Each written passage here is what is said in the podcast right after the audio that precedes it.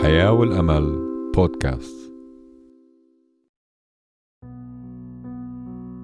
بنرحب فيكم أينما كنتم. نحن معكم ولأجلكم تحياتنا الحارة من إذاعة صوت الحياة والأمل AWR 360 في هذا اليوم الجديد في بركة جديدة مع الرب يسوع في برنامجنا الحياة والأمل. حلقتنا اليوم رح تكون بعنوان الأزمة بتغير حياتي. في إنجيل يوحنا الإصحاح 16 والآية 33 بيقول قد كلمتكم بهذا ليكون لكم سلام. في العالم سيكون لكم ضيق ولكن ثقوا أنا قد غلبت العالم. الله قصد من وراء كل مشكلة بنمرقها شيء جديد حتى إحنا نتعلمه بحياتنا. فهو بيستخدم الظروف حتى يطور شخصيتنا. وبالحقيقة الرب بيعتمد على كل ظرف بنمرق فيه حتى يخلينا نشبه يسوع المسيح. وبنفس الوقت حتى يخلينا نتعرف على الرب يسوع ونآمن فيه. وكمان حتى يزيد فينا اعتماد على كلمة الله حتى نيجي ونبحث وندور على الكتاب المقدس. والسبب واضح. بكل ظرف بوجهنا إياته الرب في الخلال 24 ساعة يوميا هو حتى يأرجينا إنه هو معنا وهو إلهنا وما في غيره. حذرنا يسوع من إنه رح نواجه مشاكل في العالم. وما في أحد محصن ضد الألم أو معزول عن المعاناة. ولا بإمكان حدا إنه يتمتع بحياة وردية خالية من المشاكل. الحياة هي سلسلة من المشاكل. في كل مرة بتحل واحدة بتلاقي التانية في الانتظار. وكل واحدة بتاخد محلها ووقتها واللي ماشي بهاي الحياة أكيد شايف هذا الأمر واضح. المشاكل هي مش شيء اللي إحنا بنمرق فيه وبالفعل بمرق وما في إله أي شيء فائدة لحياتنا. واليوم رح نشوف في حلقتنا كيف الأزمة بتغير حياتنا وكيف بتجعل الأمر بالفعل خير إلنا ولمجد الله. المشاكل مهمة كتير بحياة كل إنسان. الإنسان اللي مؤمن في الرب يسوع بساعده ينمو ويكبر في الإيمان. فبقول الرسول بطرس أيها الأحباء لا تستغربوا البلوى المحرقة التي بينكم. حادثة لأجل امتحانكم كأنه أصابكم أمر غريب. في الرسالة إلى بطرس الإصحاح الرابع والآية 12 إذا الله بيستخدم المشاكل حتى عفوا يجذبني أتقرب إله بقول الكتاب المقدس قريب هو الرب من المنكسري القلوب ويخلص المنسحقي الروح. بمزمور 34 وآية 18 خلينا نختبر بحياتنا الآلام وإحنا نشوف كيف الله بيكون معنا وبيقربنا لشخصه. لما بيكون قلبك منكسر بتشعر بالهجر. وما في بيكون إلك اختيارات.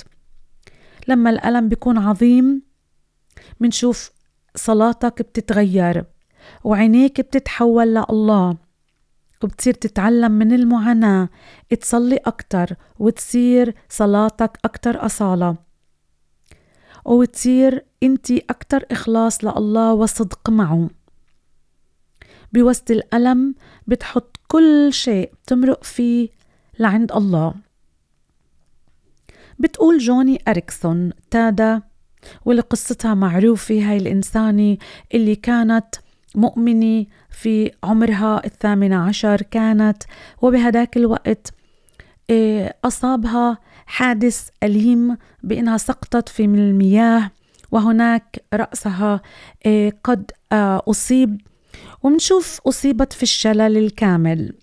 ولكن من خلال إيمانها وحياتها استمرت حتى وصلت إنها ترسم من آه، فمها وهناك تقدر تساعد كثيرين وتوصل رسالة الخلاص لكثيرين وإنها توصل كرسي العجلات لكثيرين محتاجين آه وهن بنفس الحالة اللي هي مرت فيها. وجوني أريكسون كتبت كتاب بتحدث عن إيمانها في الله وقالت في هذا الكتاب عندما تزهو لنا الحياة تكون عرضة للزلل والابتعاد عن معرفة الرب يسوع وعن الاقتداء به وأيضا عن التمسك بأقواله أو الشهادة عنه لكننا سوف نعرف يسوع فقط أثناء المعاناة. إحنا بنتعلم أشياء كتير عن الله في وقت الألم. لا يمكن نتعلمها بأي طريقة أخرى. كان يمكن الله إنه يحفظ يوسف من السجن ويحفظ كمان دانيال إنه يحطه في جب الأسود. وكمان بنعرف قصة إرمياء بأنه آه، سقط في جب الموحل. وكمان بولس الرسول اللي انكسرت السفينة فيه ثلاث مرات. كان بيقدر, بيقدر الله إنه يحفظهن من كل هاي الأمور. ولكن الله لم يفعل. سمح إنه يمروا بهذا الضيق بهاي الأزمة بهاي المشكلة حتى هدول يكونوا أقوياء وأيضا بالإيمان وأيضا قربا لله. بتجبرنا المشاكل على إنه ننظر لله ونعتمد عليه بدل من إنه نعتمد على أنفسنا وعلى نفسنا وفكرنا. بولس الرسول حكى عن هاي الفايدة وقال لكن كان لنا في أنفسنا حكم الموت لكي لا نكون متكلين على أنفسنا بل على الله الذي يقيم الأموات. ونقدر نقرأ هاي الكلمات بكورنثوس الثاني الإصحاح الأول والآية التاسعة. أنت ما بتقدر تدرك بالمرة الله واحتياجك إله إلا لما أنت بتعتمد عليه. ولما أنت بتشعر إنه ما إلك غير فقط الله في هذا الوضع. بغض النظر عن السبب ما بيكون أو ما بيحصل أي مشكلة بدون ما يسمح الله فيها. هدف الله مش يدمرنا ولكن هذا هدف إبليس ولكن هدفه إنه يستخدمه للخير حتى ولو كان الشيطان بده يقصد يأذينا. إذا ليست الحوادث سوى أحداث في خطة الله لصالحي ولصالحك. وعشان هيك لازم نعرف إنه الله بيسيطر على كل شيء. كل ما بحدث بحياتي له مغزى روحي. لأنه كل يوم في حياتي هو مكتوب في سفر في سفر الرب اللي كتبه. يعني بنقدر نقول مكتوب في تقويم الله قبل أن أولد. كل شيء موجود وعارفه الله من قبل. بيقول في الآية الرسالة إلى الرومية الإصحاح 8 والآية 28 ونحن نعلم أن الله يجعل كل الأمور تعمل معا لأجل الخير لمحبيه المدعوين حسب قصده. لأن الذين سبق فعرفهم سبق, سبق فعينهم أيضا ليكونوا مشابهين صورة ابنه. وهي الآية بتعلمنا كيف إنه كل أمر رح يعمل بحسب قصد الله. ورح نمشي اليوم في هاي الآية اللي بالرسالة إلى الروميا الإصحاح الثامن والآية 28 و 29 رح نمشي مع تفسير لكل فقرة من هاي الآية. إذا المقاطع اللي بهاي الآية هي كتير مرات يساء اقتباسها وكتير ناس بتفهمها بطريقة خاطئة.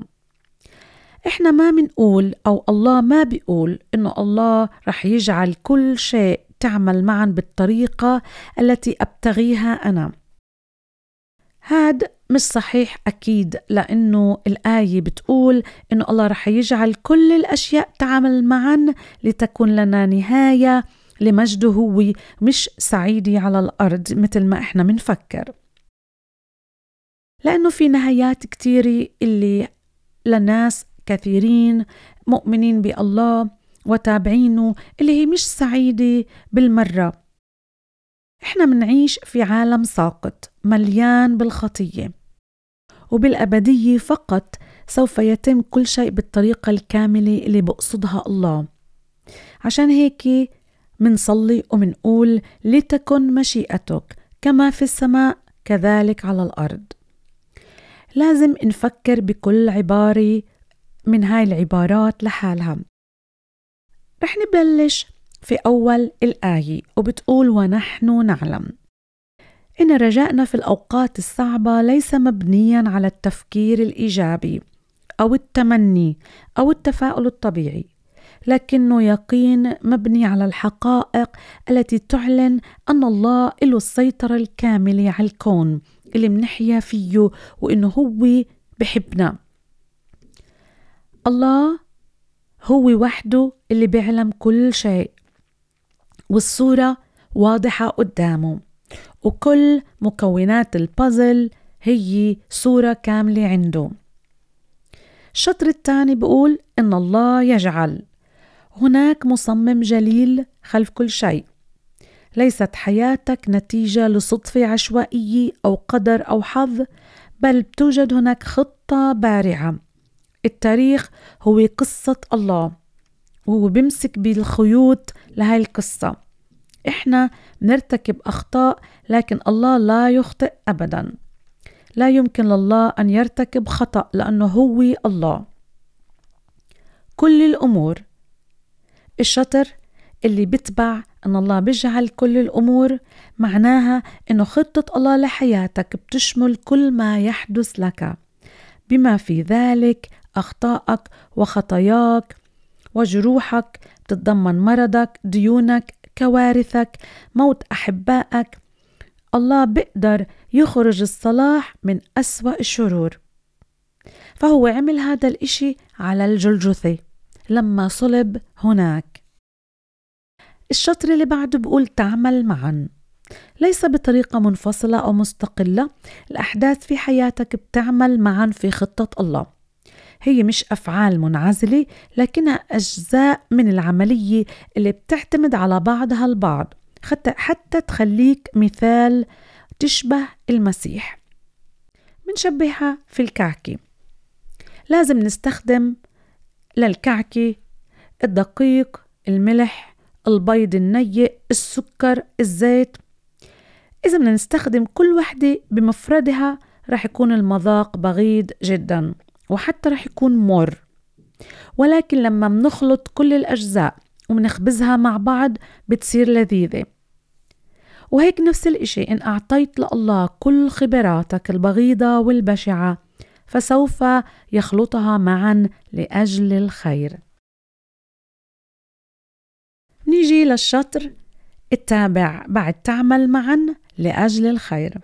وهذا المعنى بيقول إنه كل ما في الحياة خير. فالكثير مما يحدث في عالمنا هو شرير وسيء لكن الله يتخصص في إخراج الخير منه. في أربع نساء تسجلوا في الكتاب المقدس وموجودين عنا وبنقدر نقرأ عنهن. وأيضا مسجلات في شجرة العائلة الرسمية ليسوع المسيح. تمار ورحاب وراعوث وبتشبع تمار معروفة إنها أغوت حماها حتى تصبح حبلى. وأيضا رحاب كانت معروفة بأنها زانية. لم تكن راعوث حتى يهودية كما أنها كسرت الناموس بزواجها من رجل يهودي. وأيضا بتشيبع زنت مع داود مما تسبب في مقتل زوجها. ما كانت سمعة هدول النساء نقية تماما. لكن الله أخرج الخير من الرديء بإيمانهن وحياة مع الله وأجى المسيح من هذا النسب. وقصد الله أعظم من مشاكلنا وألمنا وحتى من خطايانا. بتكمل الآية وبتقول لمحبيه المدعوين المدعوين هذا الوعد اللي هو لأبناء الله فقط. إيه كل إنسان بيآمن وبيختار المسيح هو بصير مدعو. كل إنسان بيآمن في المسيح وبتبع المسيح فهو مدعو. كل الأمر اللي بمرق فيه كل إنسان مؤمن وتابع المسيح رح يعمل للخير. كل الشرور اللي عم بمرق فيها هو راح يمرق فيها للخير. فكل الأشياء تعمل للشر لهؤلاء الذين يعيشون في مقاومة الله ويصرون على المضي في طرقهم الخاصة. بتكمل بتقول بحسب قصده. ما هو ذلك القصد؟ هو إنه يكونوا مشابهين لصورة ابنه. فكل ما يسمح الله بأن يحدث في حياتك قد أجيز عفوا أجيز لذلك القصد. يعني الله قصد إنه يكون هو بحياتك حتى تصير تشبه ابنه. نتحدث هون عن الإنسان المؤمن اللي تابع المسيح. فأنت لما بتتبع المسيح هو بغيرك وبخليك تصير تشبهه بصفاته. وهيك أنت بتكون تشبه هذا يسوع المسيح اللي هو واحد من عائلته أنت. فبدنا نكمل نتحدث عن كيف بنقدر نبني شخصيتنا كمؤمنين في المسيح حتى نشبه المسيح. وهذا بيساعد كل إنسان مستمع إلنا بعده ما تعرف على المسيح بأنه يشوف كيف التغيير بيصير بحياتنا لما منآمن. حتى أنت تاخذ هاي الخطوة وتقول بدي أتبعك يا يسوع وبدي أصير أنا أشبهك بهاي الصورة. إحنا تشكلنا مثل المجوهرات بمطرقة وإزميل المحني إن لم تكن المطرقة الصائغ قوية بدرجة كافية لتجذيب أطرافنا الخشنة فسوف يستخدم الله مطرقة ثقيلة. سوف يستخدم كل ما يلزم. كل مشكلة هي فرصة لبناء الشخصية. كل ما زادت صعوبتها كل ما ازدادت الإمكانية لبناء عضلة روحية ونسيج أخلاقي. اللي بحدث في حياتك بشكل خارجي مش نفس اللي بحدث بداخلك. ظروفك زائلة ولكن شخصيتك سوف تبقى إلى الأبد. كتير مرات بقارن الكتاب المقدس التجارب بنار تنقية المعادن اللي بتحرق الشوائب. فقال بطرس ببطرس الأولى الإصحاح الأول والآية السابعة لكي تكون تزكية إيمانكم وهي أثمن من الذهب. سائق الفضة هو اللي بيجي وأيضا السائق تبع الذهب بيجي حتى ينقي الذهب. وبنفس الوقت كمان اللي بيعمل الفضة أو سائق الفضة بنقي الفضة بنفس الطريقة كيف منعرف إن كانت الفضة نقية أو الذهب نقي؟ بجاوب عندما أرى انعكاس صورتي عليها صاحب الفضة أو الصدي أو صائغ الذهب هو بيوقف قدام إيه، الذهب والفضة وبيشوف كل ما يتنقى تحت أتون النار بشوف وجهه إذا وجهه بيقدر يشوفه نقي وبنعكس صورة هذا الصائغ. على الفضة والذهب بشوف إنه صار نقي. وهيك نفس الشيء مع الله. كل ما بشوف الرب يسوع صورته أو إحنا بتصير صورتنا تشبهه كل ما تنقينا بوسط التجارب أو بوسط أتون النار. وهذا انعكاس لصورة يسوع.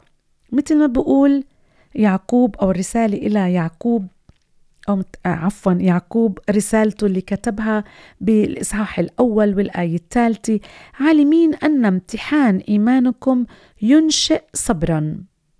وهذا آه، بفسر إنه الضغط الشديد بدفع حياتكم وإيمانكم إلى العلن وبظهرها على حقيقتها. فكل إنسان بقع تحت ضغط ألم ووجع وأزمة. هو بتغير بتغير وبتصير صفاته تشبه المسيح. ومش بس الصفات بتصير إله هو بس حتى يشوفها ولكن الناس بتصير تشوفها وبتعكس حقيقتها للناس. بما أن الله بنوي أنه يجعلك مثل يسوع فهو رح ياخدك خلال نفس الاختبارات اللي بمر فيها يسوع. وهي بتتضمن الوحدة اللي عاشها يسوع التجربة اللي كانت مؤلمة أو عانى أكثر من تجربة بحياته على الأرض الضغط الشديد النقد الرفض وكثير من الأمور اللي مرها يسوع إحنا رح نمرق فيها. بقول الكتاب المقدس إن يسوع تعلم الطاعة من الآلام التي قاساها. وعشان هيك صار مؤهل للمهنة اللي هو عفوا للمهمة اللي هو رتبها إله. لماذا يعفينا الله إذا إذا مما سمح لابنه أنه يختبره؟ قال بولس فإن كنا أولادا فإننا ورثة أيضا. ورثة الله وارثون مع المسيح. إن كنا نتألم معه لكي نتمجد أيضا معه. إذا كيف بدنا نتعامل مع المشاكل ونتمثل بيسوع؟ المشاكل ما بتنتج أوتوماتيكيا قصد الله أكيد. إذ يشعر كثير من الناس بالمرارة وبدلا من التحسس تحسن عفوا لا بشعروا في إنهن بنمو ولا حتى بشوفوا إنه في تغيير. تذكر أولا إنه خطة الله صالحة. وهيك تعامل مع المشكلة اللي هي قدامك أو اللي أنت عم تمرق فيها. أن الله بيعرف ما هو الأفضل إلك ولديه أفضل منفعة لك في قلبه. فقد أخبر الله أرميا وقال له لأني عرفت الأفكار التي أنا مفتكر بها عنكم. يقول الرب أفكار سلام لا شر لأعطيكم آخرة ورجاء. هناك يوسف أيضا فهم هاي الحقيقة بعد ما مر في ضيق كبير.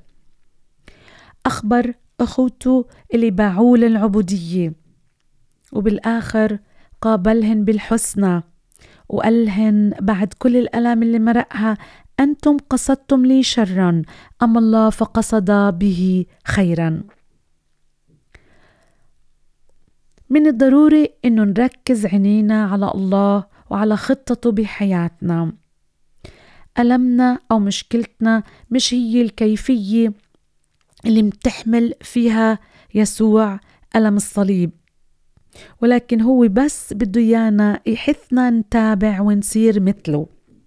ناظرين إلى رئيس الإيمان ومكمله يسوع الذي من أجل السرور الموضوع أمامه احتمل الصليب مستهينا بالخزي. رسالة إلى العبرانيين والإصحاح 12 والآية 2 إذا خلينا ننظر لرئيس الإيمان. يسوع وحده هو رئيس الإيمان. علمنا الإيمان وبده يانا نعيش بالإيمان بكل الألام اللي منعيشها. تذكروا خطة الله صالحة بوسط الأزمة والألم. يحكى عن كوري تنبوم معروفة هاي كوري اللي حاولت كتير تنجي كثير من الناس بوقت الحرب العالمية الثانية. وكانت تخبي كتير ناس عندها في البيت.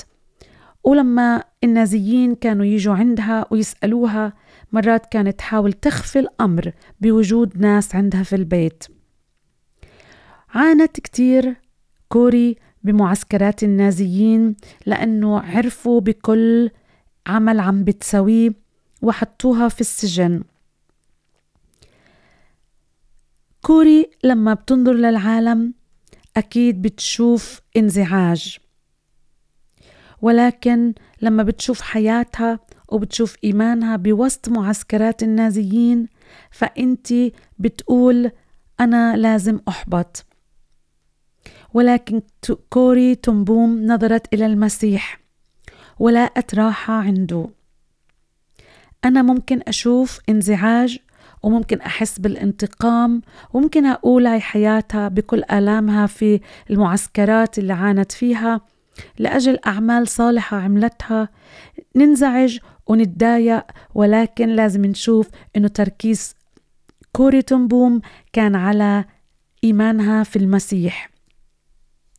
تركيزنا لازم ما يكون على مشاعرنا ولا على إيش ولا على إيش شايفين ولكن على سر الاحتمال اللي بكمن فيي وفيك.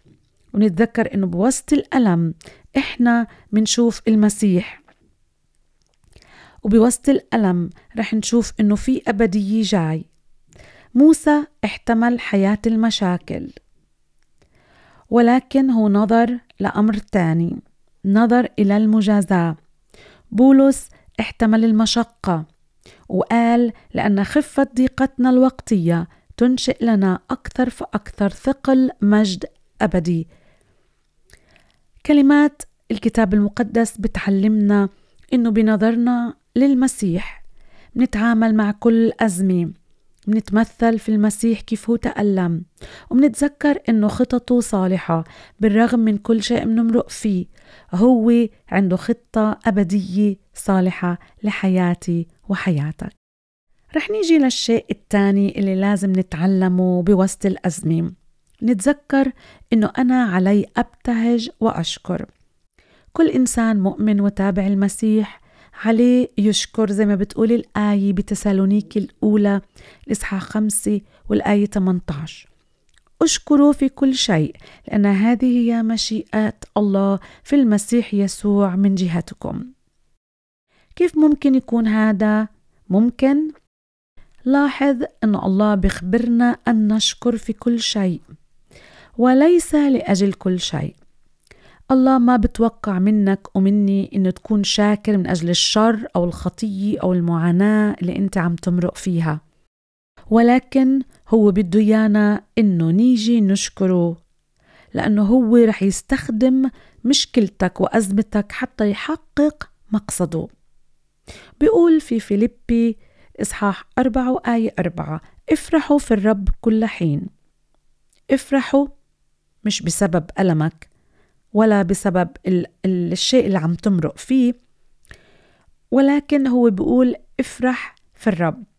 بغض النظر على اللي بيصير معك انت بتقدر تفرح في محبة الله في رعايته في حكمته في قوته في أمانته. زي ما قال المسيح افرحوا في ذلك اليوم وتهللوا فهو ذا أجركم عظيم في السماء. فرحي بده يكون بأنه هو معي هو برعاني هو حكيم وعارف كل شيء قوي وهو أمين معي. كل هاي الأمر أنا بقدر أرفع عيني إلى السماء أبتهج وأشكر لأجل وجود الله معي. تقدر تفرح وتتهلل وتتعلم بيقين إنه الله رح يكون معك. هو رح يجتاز معك في عمق المحن وهو رح يكون معك كإله يعينك ويساعدك. إحنا ما عايشين لإله بعيد منعزل عنا ولا عايشين بعيدين عن هذا الإله اللي ما بيقدر يشجعنا ولكن هذا الإله هو معنا وهو موجود جنبنا بوقت الصراع. وعلى العكس تماما هو بده يجي يكون معنا بوسط الألم وبعمق المعاناة. قام يسوع بذلك من خلال التجسد.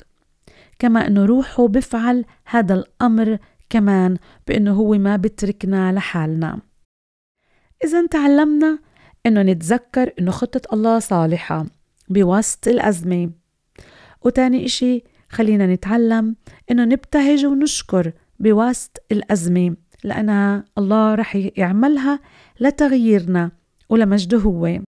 ثالث شيء خلينا نرفض الاستسلام. كن صبور ومثابر. بقول الكتاب المقدس عالمين أن امتحان إيمانكم ينشئ صبرا.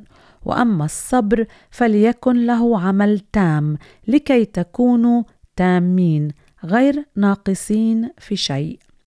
بالرسالة إلى يعقوب الإصحاح الأول والآية الثالثة. إذا بقول بناء الشخصية عملية بطيئة. كل ما حاولنا نتجنب صعوبات الحياة ونهرب منها فإحنا بنقتل عملية البناء من الأول. إحنا منأخر نمونا ومننهي فعليا لنوعية أسوأ من الألم.